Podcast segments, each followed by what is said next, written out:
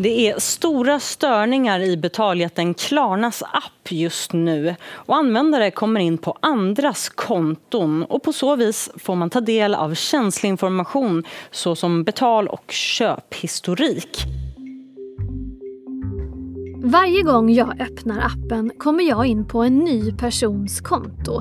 Det är jättekonstigt. Ja, det blev 31 riktigt svettiga minuter för några av banken Klarnas kunder torsdagen den 27 maj. Kunder som när de loggade in på sina konton kom in på andra kunders konton. Plötsligt kunde de ta del av känsliga uppgifter som köp och betalningshistorik, namn, adresser och delar av kontonummer. Betaltjänsten Klarna som sedan 2017 har banktillstånd har omkring 90 miljoner kunder över världen. Enligt de första uppgifterna drabbades omkring 90 000 av deras användare av säkerhetshaveriet. Dagen efter meddelade Klarna att det bara handlade om 9 500 användare och säger också att det inte handlar om någon cyberattack utan skyller på ett handhavandefel internt. De förtydligar också att det har inte varit möjlighet att få tillgång till en specifik användares data. Efter de här 31 minuterna blockade Klarna inloggningen till appen och deras tjänster ska nu fungera som vanligt. Men flera personer har anmält betaljätten till Finansinspektionen efter det tekniska haveriet. Så vad var det egentligen som hände? Hur transparenta har Klarna varit kring händelsen? Vågar man som konsument lita på säkerheten eller har vi för höga förväntningar? Och hur kan vi skydda oss i framtiden? Det ska vi prata om i dagens Aftonbladet Daily. Jag heter Olivia Svensson. Vi kopplar upp oss mot David Jacobi, säkerhetsexpert på antivirusföretaget Kaspersky. Och börjar med att fråga, hur kunde det här hända? Alltså jag tycker inte man bara ska berätta att vi jobbar med digitala grejer som kontinuerligt förändras. Men det kan ju vara att vi som konsumenter har önskemål på nya funktioner eller på hur, hur saker och ting ska funka på, på en viss webbapp och så här. Och även de som ligger bakom de olika tjänsterna förbättrar ju tjänsterna hela tiden. Och när man då gör de här förbättringarna som är då förändringar i kanske koden eller i, liksom på själva serversidan, då kan det ju bli fel. Liksom, bör man implementera och lägga in säkerhetsfunktioner eller nya saker. Det man lägger till kan ju även ha negativ konsekvens i det stora hela. Och det är egentligen sådana saker som händer. För att jag menar när ett IT-system väl är uppe och snurrar, men då är det uppe och snurrar. Men vi jobbar ju med systemet hela tiden för att försöka förbättra det och göra förändringar. Och testar man inte det jättenoga uh, i alla möjliga scenarier, då kan ju sånt här hända. Och det var nog det som hände, att det var liksom en liten sak som man inte riktigt hade kunnat förutspå som ställer till de här problemen. Men Klarna är ju ett jättestort företag som finns över hela världen. Jag tänker att man som konsument har för sig att det här inte ska hända. Du låter inte så förvånad, men har vi konsumenter för höga förväntningar? Ja, men alltså Klarna är ju inte det största IT-företaget i världen. Om du då börjar titta på kanske de företagen som är de största IT-företagen i världen, tror du inte de också har problem i sin infrastruktur? Att de har både allvarliga sårbarheter som gör att hackare kan utnyttja sårbarheterna för riktigt negativa saker. Det här var egentligen bara ett mjukvaruproblem som ställde till såklart bekymmer. Det var ju en, väldigt allvarlig sak, men det var ju inte någonting som eh, hackare hade kontroll över. Utan det var ju en, en, liksom en brist på, med GDPR och flera lagar och, och, och, integritet. Men det var ju liksom inte en brist som, eh, som, som hackare kunde så kontrollera och komma åt information från vilken användare som helst.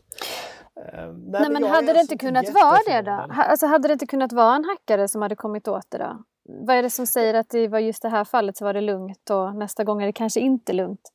Alltså lugnt och lugnt, det handlar ju som sagt också om motivet bakom de, de problemen som uppstår. Det här var ju liksom, som jag tolkade ett rent programmatiskt eller systematiskt fel som gjorde att när du loggade in så kom du åt en typ av användares information. Men det fanns inget sätt att kontrollera vilken användares information du skulle komma åt utan det kanske är den som loggade in tidigare, ett så kallat cache-problem. Att din, dina uppgifter ligger lagrade till nästa person som loggar in. Det skulle kunna vara det. Mm. Det skulle också kunna vara så att eh, det blir ett fel i så kallade indexen i databasen. Att när den försöker hämta din information när du loggar in så hämtar den egentligen någon annans information.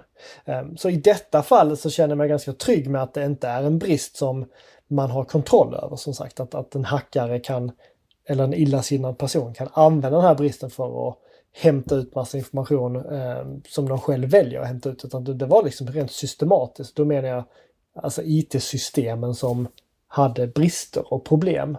Sen ska man inte förakta detta och säga så här att det inte är ett problem. För att det, de här typerna av bristerna på de här typerna av känslorna får ju inte ske. Det Nej, det är det jag menar också. Har, man har väl ändå det som förväntning att det här inte ska ske när man som konsument ändå ger ifrån sig ganska Alltså väldigt känsliga uppgifter. Ja, men alltså det är ettor och nollor vi har att göra med och det går inte att testa alla scenarier och förbereda sig för allting som kan gå fel. Sen kan man ju tycka att när man då sjösätter en ny funktion eller en ny tjänst eller någonting så det här borde de ju ha, ha identifierat. Eh, för att det blev så visuellt uppenbart att någonting var fel när man loggade in och man kom åt någon annans uppgifter. Som sagt, det, var, det, det, det borde inte ha gått igenom eh, testningen. Men alltså, det, det är ju som sagt människor som ligger bakom det här. Det är programmerare och systemadministratörer och produktägare och sånt. Och det, det är lätt att, att det blir fel. Och vi som konsumenter, vi, vi kanske bara ska ha en förståelse för att den, den, nya världen, den nya världen som vi lever i nu, som är så här digital, att det finns brister, det finns problem. Ehm, alltså vi har på något sätt accepterat det i vissa scenarier men sen i andra scenarier har vi absolut inte accepterat det. Ehm, och ehm, vi lever ju liksom i någon slags balansvärld, mitt här där vi är så pass digitala att vi är beroende av vissa IT-tjänster men vi har inte riktigt accepterat att de här IT-tjänsterna och de här problemen kan gå sönder. Men om man då tittar på IT-tjänster och gör, gör en jämförelse med kanske andra saker som vi har haft väldigt länge som hus och bilar och transportmedel och sånt här.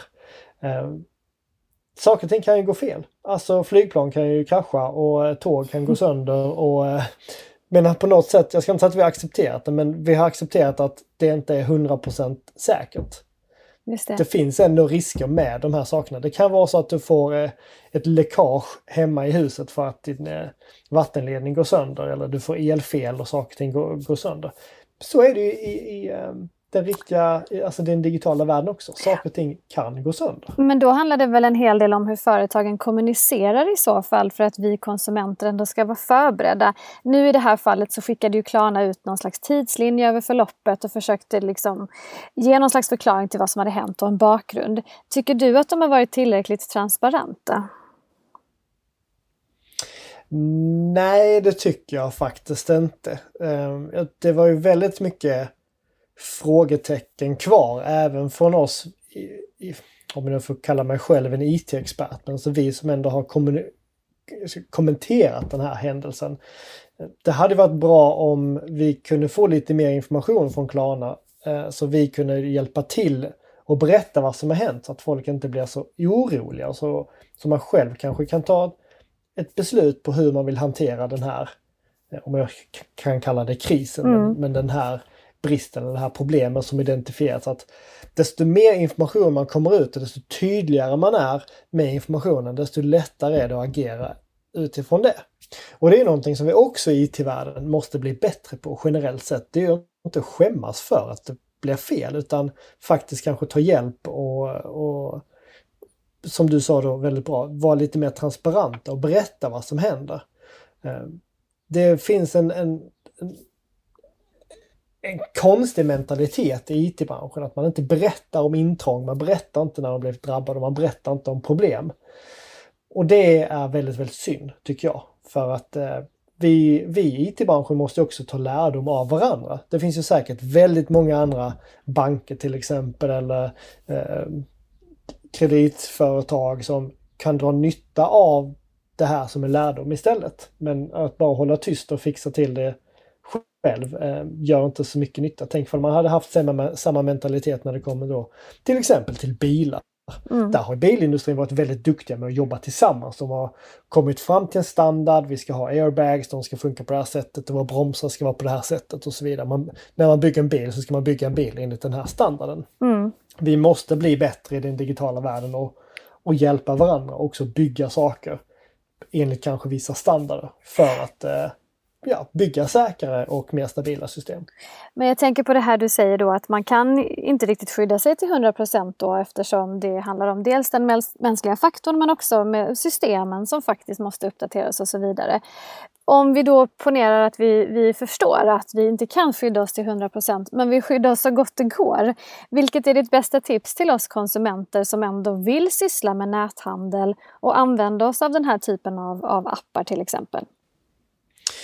Ja, så det bästa är ju egentligen att helt enkelt dra lite i bromsen och vara lite restriktiv med vilka tjänster, vilka appar som du faktiskt använder. För att desto fler appar, desto fler tjänster du använder, desto större spelplan har du att, spela på. Det vill säga att det, om det händer någonting i något system eller någon app och du har liksom registrerat dig på 100 sajter, då är ju chansen större att du blir drabbad när du är när din profil och din digitala handelshistorik och sånt finns på hundra ställen. Som ett exempelvis. Mm. Så genom att kanske välja så här, ja, men jag kör bara med Paypal eller kör bara med Klarna eller kör bara med detta. Men då, då minimerar du din risk och sen är det kanske lättare att rent medvetet bara ta ett beslut på vilken typ av eh,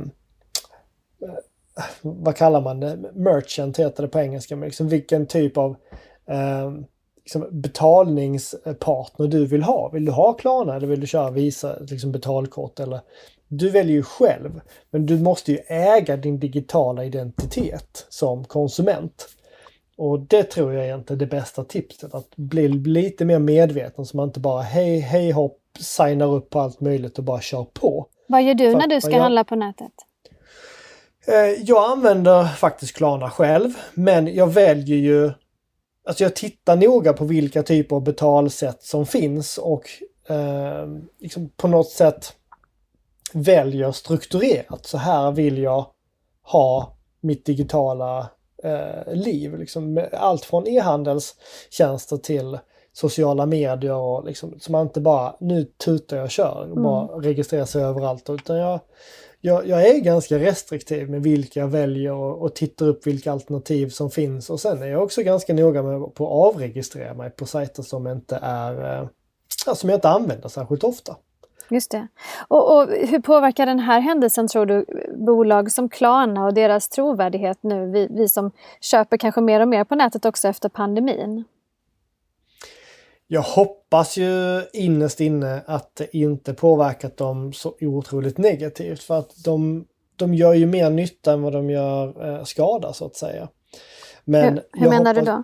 Ja men alltså de har ju ändå förenklat e-handeln för väldigt många människor och erbjuder ett ganska säkert och, och tillförlitligt sätt när det väl fungerar som sagt. Alltså, om inte Klarna hade funnits så kanske vi hade varit eh, mer exponerade när vi skulle ge ut våra kreditkortsnummer och kanske vi hade haft mer problem med att folk kom åt våra betaluppgifter och kunde utnyttja våra, våra kontouppgifter, alltså kreditkortsuppgifter, Visakort och Mastercard och American Express och så här. Att, att du kanske hade haft problem med det där istället. Så de, de gör ju ändå nytta. De har ändå identifierat ett problem och löst och förenklat liksom själva e-handeln för väldigt många människor.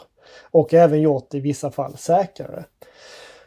Och Sen hoppas jag ju såklart att de själva lär sig av den här läxan och inte bara säger så här, men okej, vad, vad kommer konsumenterna eh, tycka om Klarna efteråt. Men hur kommer Klarna kanske kunna leverera en ännu bättre tjänst efter det här? Kanske förändra sitt sätt att testa produkterna, inte vara så snabb med att göra förändringar eh, i sina system och så här. Och att man kanske får bättre struktur på eh, själva IT-leveranserna utåt. Mm. Så det hoppas jag att de lär sig av. Tack så mycket David. Tack själv. Sist här hörde vi David Jacobi, säkerhetsexpert på antivirusföretaget Kaspersky. Jag heter Olivia Svensson och du har lyssnat på Aftonbladet Daily. Vi kommer ut med ett nytt avsnitt varje vardag och om du prenumererar på podden så kan du vara helt säker på att inte missa något. På återhörande, hej då! Du har lyssnat på en podcast från Aftonbladet. Ansvarig utgivare är Lena K Samuelsson.